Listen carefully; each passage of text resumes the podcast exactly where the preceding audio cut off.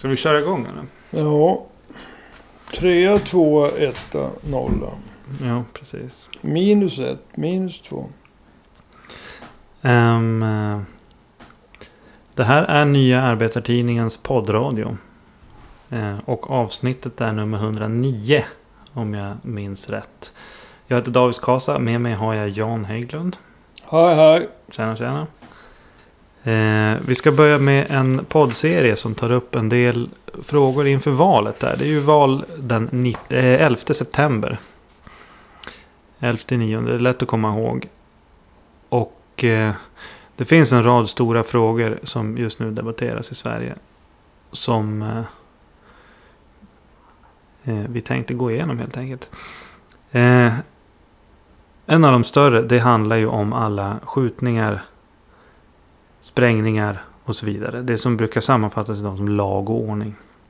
Kriminella nätverk och gäng. Och framväxten av de här kriminella nätverken, klanerna och så vidare. En av de mest skrämmande sakerna med det, det är ju just skjutningarna. Och under ett helt årtionde så har skjutningarna ökat i Sverige. Och de har stabiliserat sig på en väldigt hög nivå. Så att Sverige ligger numera i topp i hela Europa när det gäller dödligt våld med skjutvapen. Eh, I år, 2022, fram till den 15 juni så är det, har det skett 183 skjutningar. Och det är 33 döda och 46 skadade. Och ser man de senaste åren, alltså sen tillbaka till 2017, så är det över 300 skjutningar per år nästan varje år. Eh, över 40 döda och över 100 skadade. Eh, och alltså vad, vad beror den här ökningen av skjutningar på? Och det stora antalet skjutningar. Ja, alltså. En sida, det är ju att. Eh, det har etablerats parallella samhällsstrukturer. Och eh, ur dem så har det vuxit fram kriminella nätverk, kriminella klaner. Skillnaden är ju att klaner det är ju ett uttryck för ett släktbaserat nätverk. Där det inte bara är så att säga verksamheten och pengarna utan det är också släkt Mm. som, som håller ihop nätverket. Vart är problemen som störst någonstans då? Ja, jag, jag vill bara säga någonting om, om eh, alltså parallella samhällsstrukturer. Mm. Ofta pratar man om eh, segregerade bostadsområden. Men eh, det som finns underförstått i segregerade bostadsområden det är att bostadsområdena är de, de, har, de, de är underprivilegierade om man så vill. Och människorna vill bli en del av det sen, svenska samhället. Men om, man, om, om bostadsområdet går från att vara segregerat till att bli ett parallellsamhälle. Då, så, då har det helt enkelt vuxit fram parallella samhällsstrukturer. Det är inte ett bostadsområde som vill bli en del av det svenska samhället. Det är inte ett bostadsområde där de som sätter tonen nödvändigtvis anser sig vara underprivilegierade. Utan det är ett bostadsområde där de parallella samhällsstrukturerna de kan vara av kriminell karaktär.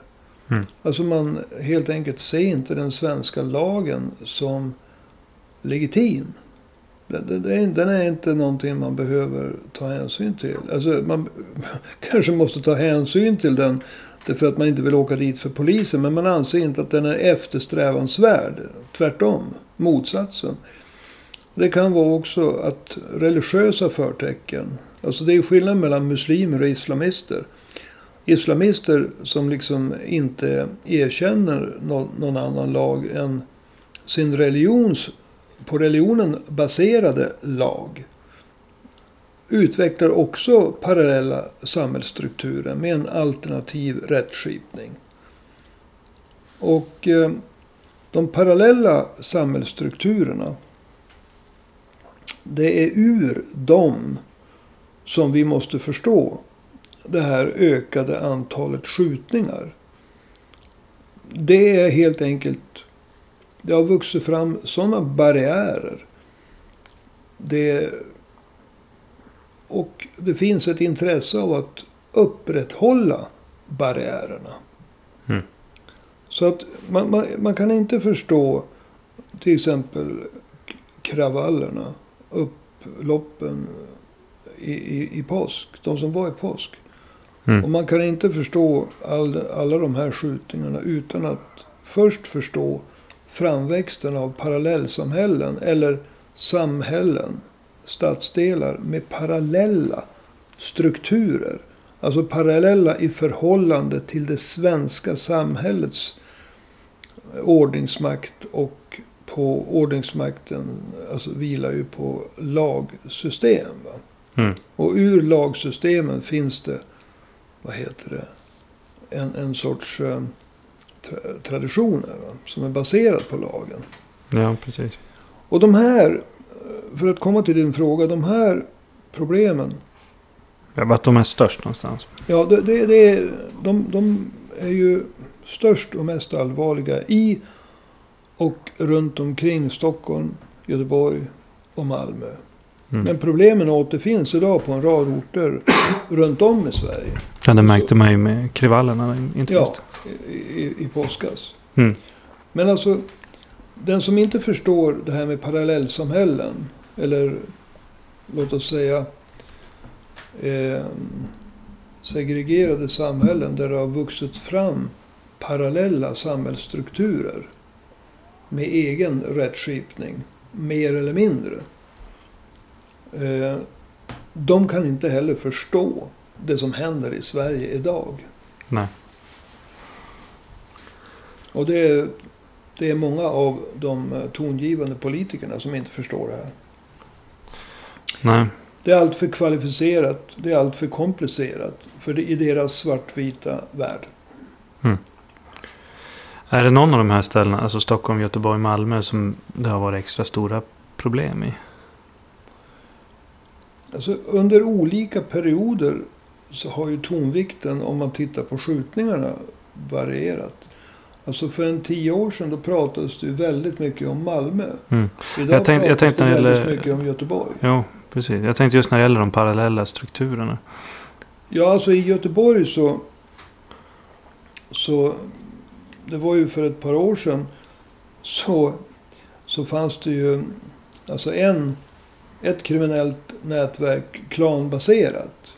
Som eh, blev väldigt kända.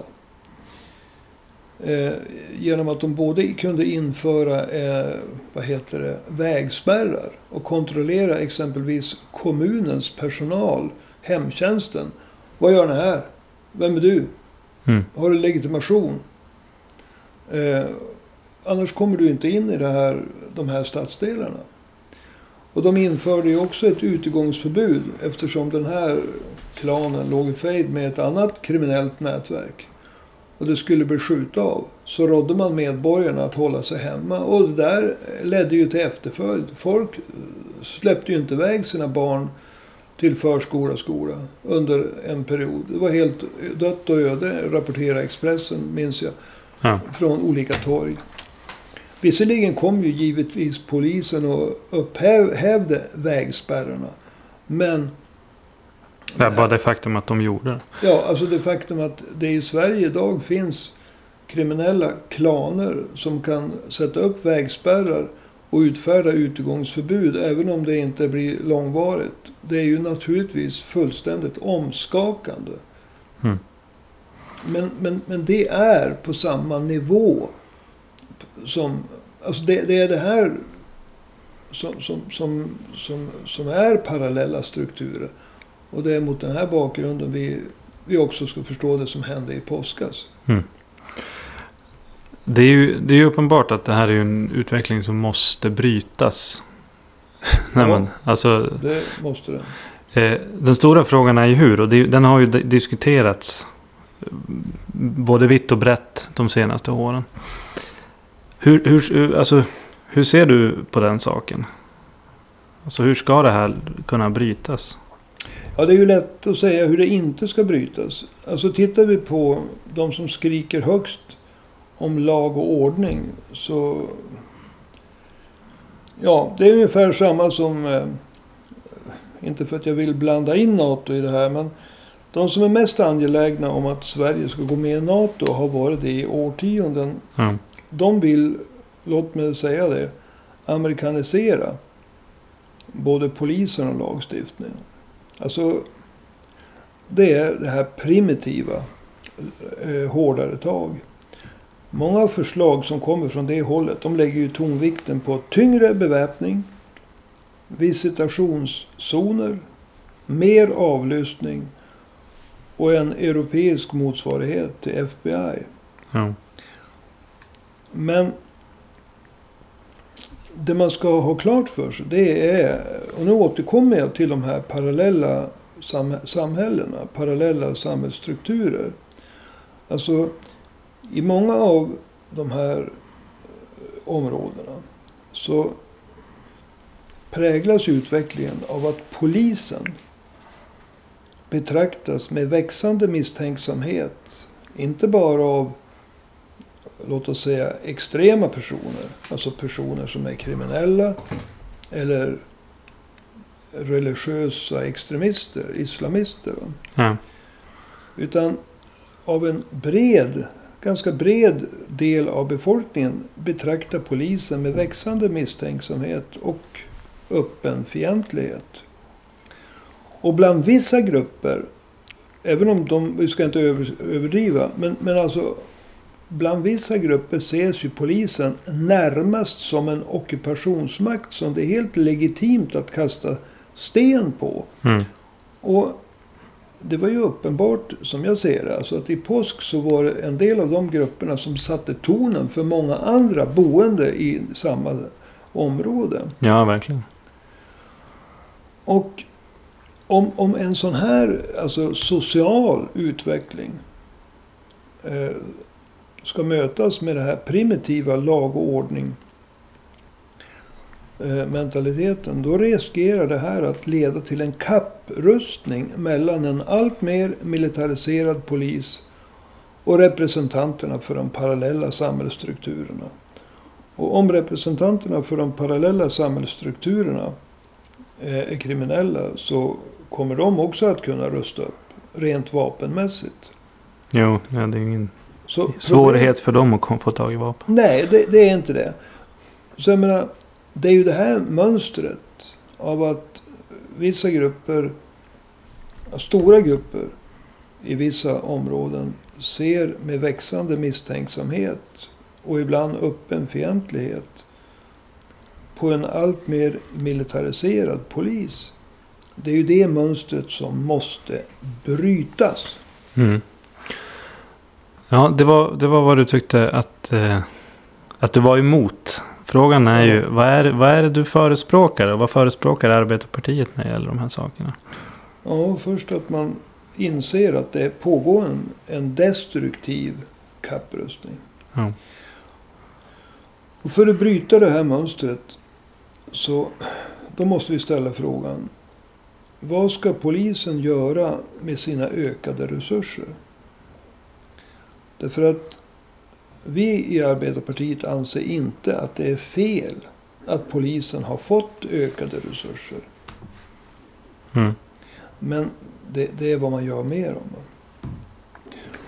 Och som vi ser det så är det avgörande att de ökade resurserna huvudsakligen, om än inte enbart, men huvudsakligen används för att bredda och fördjupa kontaktytan mellan ordningsmaktens representanter och de omgivande samhällsformationerna. Mm. I syfte att öka förtroendet för polisen. Alltså förtroendet för polisen måste vara större. Långt större än förtroendet för de som representerar de parallella samhällsstrukturerna Och jag upprepar att det, kan- de kan vara av två arter. Det kan vara tongivande inom de kriminella nätverken. Och det kan vara tongivande personer bland islamister. Som till exempel det muslimska brödraskapet. Jag vill inte jämställa dem på något sätt. Nej. Polisen måste medvetet sträva efter att utgöra navet i ett större kontaktnät som når så många medborgare som möjligt. Även i de mest utsatta områdena. Eh, så att en sammanfattande målsättning det är att de ökade resurserna som polisen får, de måste användas för att både bredda men också fördjupa kontaktytan mellan polisen och det omgivande samhället. För att bryta trenden mot ett växande, en växande misstro. Hur ska man säga- göra det rent konkret Alltså, då, då? då vill jag säga att tyngre beväpning, visitationszoner, mer avlyssning och så vidare. Alla, alla de här grejerna.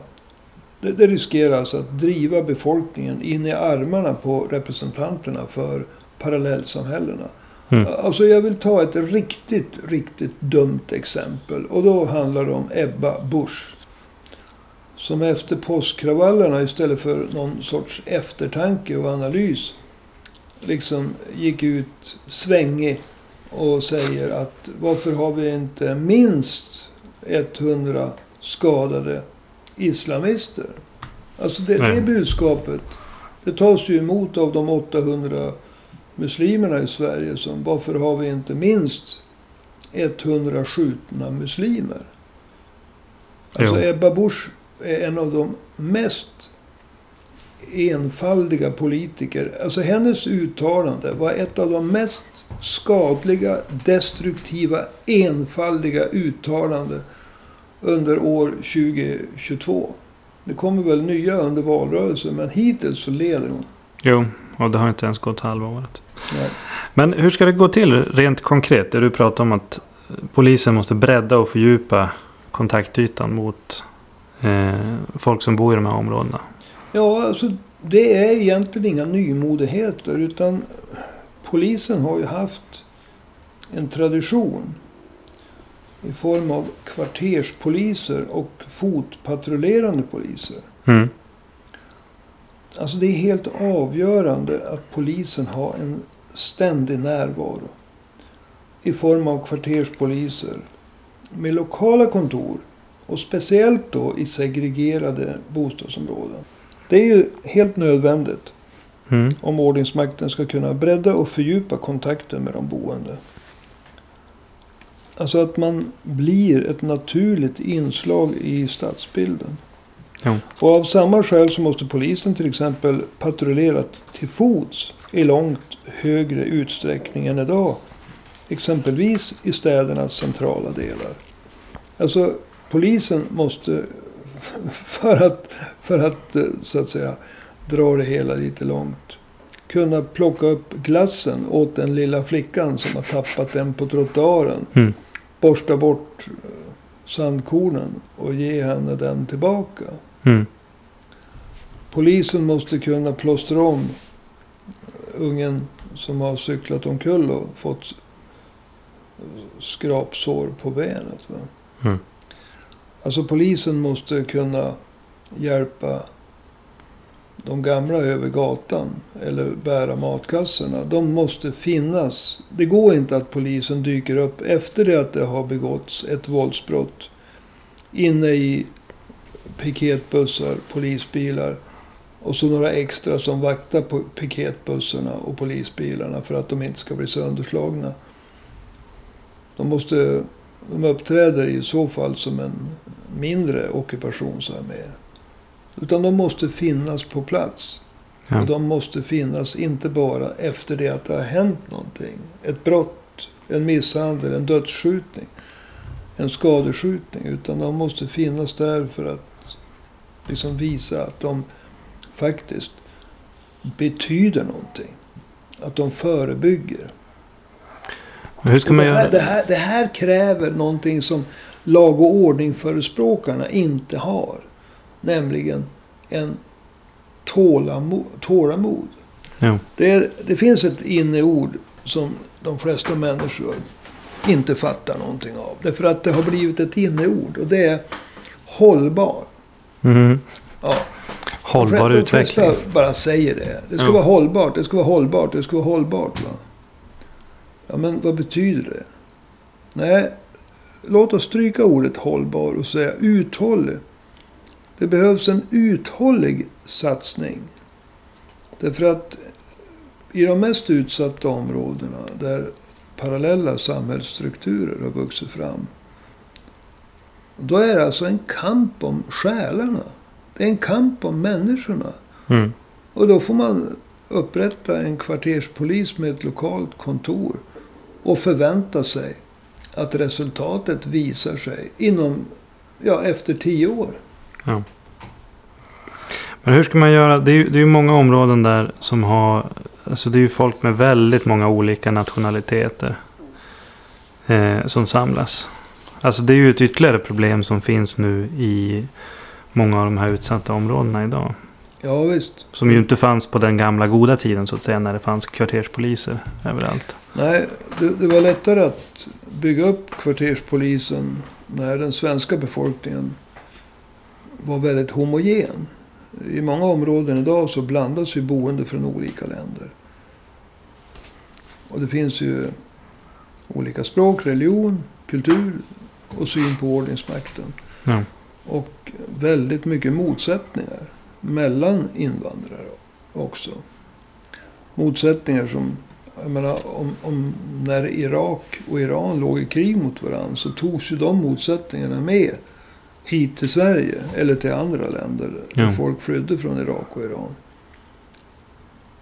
Så att eh, det kräver ju en helt, anna, helt andra kunskaper om invandrarnas hemländer. Om motsättningarna mellan invandrarna. Som inte ingår vare sig i den vanliga polisutbildningen eller i någon annan utbildning för den delen. Mm. Inte för socionomer. Inte för förskollärare. Inte för lärare. Men alltså, det har funnits ett antal integrationspoliser. Som hade tillräckligt mycket kunskaper och intresse för att själv vidareutbilda sig genom att fara runt och träffa olika grupper, representanter för olika grupper och så. Alltså vi måste göra en satsning för, alltså polisen har fått ökade resurser, det behövs. Men det är kostsamt att upprätta kvarterspoliser. Vi måste också upprätta integrationspoliser. Vi måste ha fler fotpatrullerande poliser. Mm. Det är till de här sakerna som polisens ökade resurser ska användas. Mm. Om vi ser det här mot bakgrund av skjutningar, påskkravallerna. Eller varför inte hetsen mot socialtjänsten. Som påstods kidnappa och hjärntvätta barn till muslimer. Mm. Men eh, sen, alltså när det gäller att involvera människor i de här eh, områdena. Det kommer ju inte räcka med enbart polisen. Utan alltså, man måste ju Nej, nej. på, något- hitta sätt att få folk som bor i de här områdena att engagera sig Po- po- också. poli- polisen måste ses som ett nav Ja. I ett mycket, mycket större nätverk. Som måste nå ut till de mest avlägsna delarna i, i speciellt utsatta områden. Mm. Hur ska man lyckas så, med det? Så, så,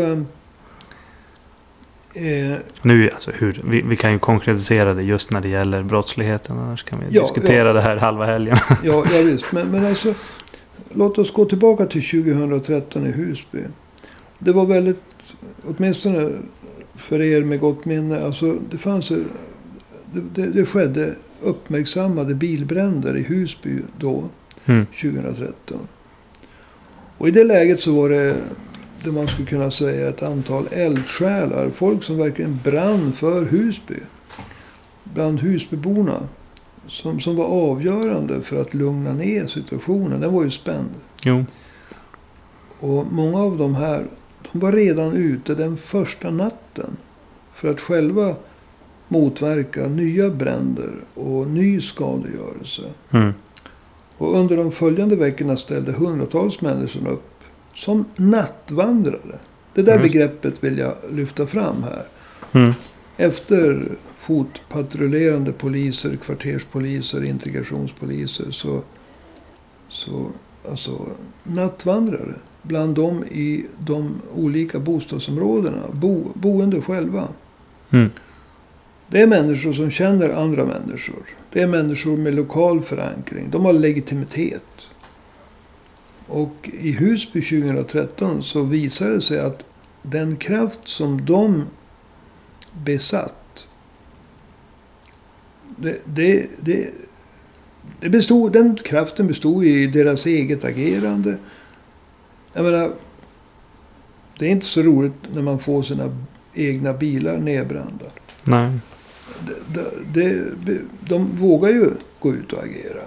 Och de stöddes också av en överväldigande del av de boende i Husby. Mm. Och, och tittar vi eh, lite grann. Eh, så om det finns en kvarterspolis, en integrationspolis. Som har ambitionen att skapa en positiv förankring i ett bostadsområde. Om det finns nattvandrare. Och om vi då slår ihop vad heter det, kvarterspolis och integrationspolis.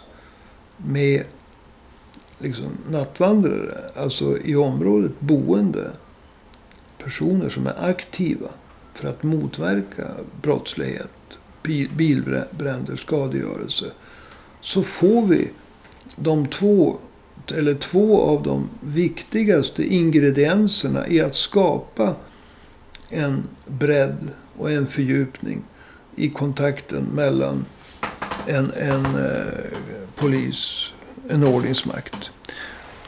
Och det positiva i det här det är ju att alltså, det är ju inte en envägskommunikation utan den polis som kommer att eh, jobbar i ett sånt här bostadsområde. De kommer ju också att ta intryck. De kommer ju att lära sig kunskaper som kanske integrationspolisen till en del kan lära sig eh, på skolbänken. Jag menar, de kommer ju alla till del genom att man vistas i de här miljöerna. Man gör besök eh, i moskén. Mm. Man Mm. gör besök i bönehuset. Man, man lär känna lokala ledare. Man, man lär känna motsättningarna mellan olika invandrargrupper och inom in, invandrargrupper. Man blir en del av samhället.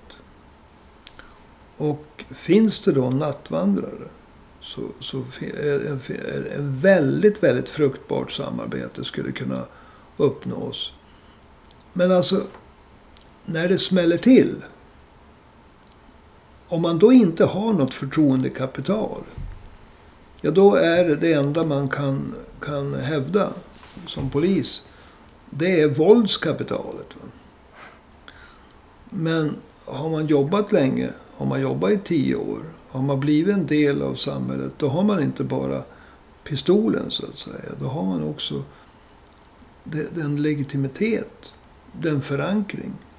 För i slutändan, det vill jag betona, alltså det som det står om i vissa delar av Sverige.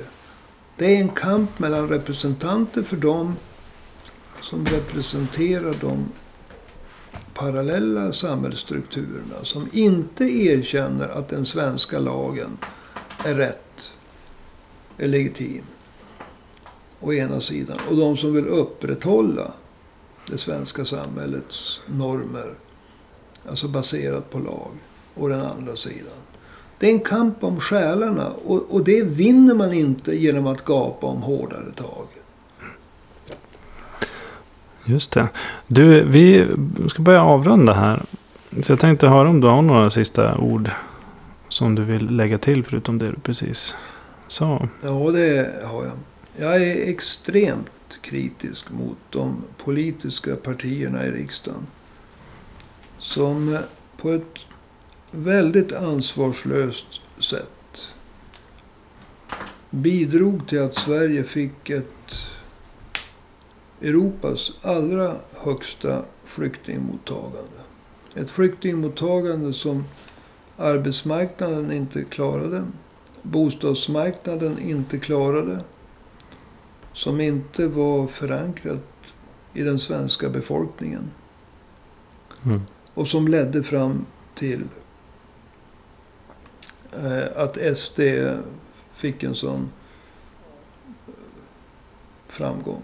Trots Mm. sitt invandrarfientliga budskap. När det nu, efter att man har misslyckats på arbetsmarknaden, bostadsmarknaden. Det växer fram segregerade områden. Och en del av de områdena, där växer det fram parallella samhällsstrukturer. Och jag har sagt, de kan vara av islamistisk karaktär, de kan vara av kriminell karaktär. Jag, jag jämför dem inte, men det finns inslag av parallella samhällsstrukturer i båda grupperingarna. Då börjar de här politikerna från sam- de partier som är ansvariga att gapa om hårdare tag. Mm.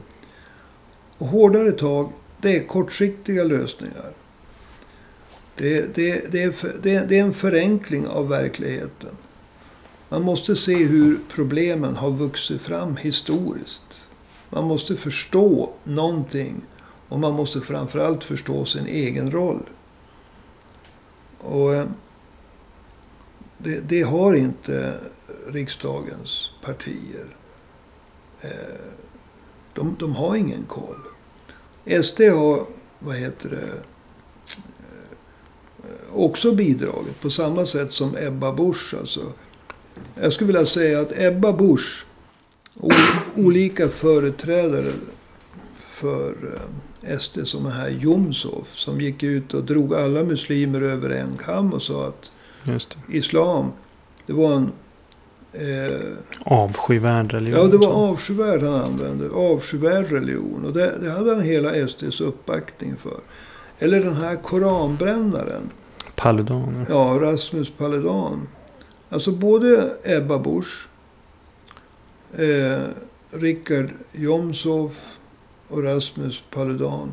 De är nyttiga idioter. Som med sina respektive ageranden driver, alltså inte mer, naturligtvis främst muslimer i händerna på representanter för de parallella samhällsstrukturerna. Jag tänker nu i första hand på representanter för Muslimska brödraskapet som är de kraftfullaste islamistiska företrädarna i Sverige. Mm. Så jag är oerhört kritisk mot eh, riksdagens partier. Som bara har... Man brukar ibland säga att en person kan gå från klarhet till klarhet. Mm. När det gäller riksdagspartierna så har de gått från bristande klarhet till bristande klarhet. Mm. Och när jag ser hur det bildas allianser så tänker jag osökt på uttrycket a blind leading a blind, leading a blind, leading a blind. Ja. Så att eh, det, det som jag hoppas på det är ju verkligen att vi i Arbetarpartiet genom att skapa en riksspridd veckotidning och genom att försöka åstadkomma en plattform inför riksdagsvalet 2026 ska kunna göra våra idéer hörda. Därför att de, de, de problem som Sverige har, de har vuxit fram under årtionden. De har exploderat under senare år i form av skjutningar. Och det här året har det funnits två nya inslag. Och det är den här delvis utländsk spridda kampanjen mot socialtjänstens socionomer. Det påstås att, att, att svensk socialtjänst kidnappar och hjärntvättar barn till muslimer. Mm. Och sen påskkravallerna. Det är helt nya inslag. Skjutningarna, de, de har funnits sedan drygt tio år tillbaka. Mm. Och Sverige är det land i Europa där det skjuts mest. Mm. Det här är någonting som de här politikerna som gapar efter lag och ordning inte fattar. Och de, de vill inte fatta. Och, och, låt mig avsluta. Eh, När jag hör Magdalena Andersson säga vi ska vända på varenda sten för att knäcka gängen. Då tänker jag på, är det de stenar som kastades i påsk på blåljuspersonalen? Mm. Alltså ibland så hör man människor som absolut inte kan någonting om bilar. Prata om, om, om problem med bilar. Och man hör liksom att de har just lyft instruktionsboken och läst utan till, lärt sig några uttryck som Och slog upp en sida någonstans och tyckte Ja. att det lät bra. kylarvätska Ja. eller Vindrutetorkare. vindrutetorkare. Och när man hör Magdalena Andersson säga att vi ska vända på varenda sten för att knäcka gängen. så det, det, det är som det man hör sin bästa kompis sjunga falskt i aulan när man gick i liksom grundskolan. Man skäms, liksom, det gör Ja. ont. För att det, Man knä- skäms å deras vägnar. ja, Liksom. men knäcka gängen. Alltså, Mm. Gå tillbaka till eh, Finansdepartementet och ät siffror. Men försök inte låtsas att du förstår någonting om världen utanför Rosenbad. Ja, men du, eh, vi, vi avslutar med de orden helt enkelt. Ja, vi får göra det. Ja. Får jag tacka så mycket för idag då. Och eh, får tacka er som har lyssnat. Eh, och ni som har lyssnat, om ni tycker att det här är bra. Det kommer komma fler delar där vi diskuterar om viktiga frågor i Sverige inför valet. Och inför de kommande fyra åren. Eh, stötta gärna podden. Eh, vi har ett swishnummer. Det är 123 504 7105. Alltså 123 504 7105. Dit kan man swisha små bidrag. Dit kan man swisha stora bidrag. Eh, vi blir ju alltid mer glada åt de stora bidragen än de små. Men vi blir glada åt alla bidrag. Eh, och det hjälper oss att, att fortsätta driva den här podden. Så att eh, swisha på bara så hörs vi igen eh, nästa vecka. Tack och hej!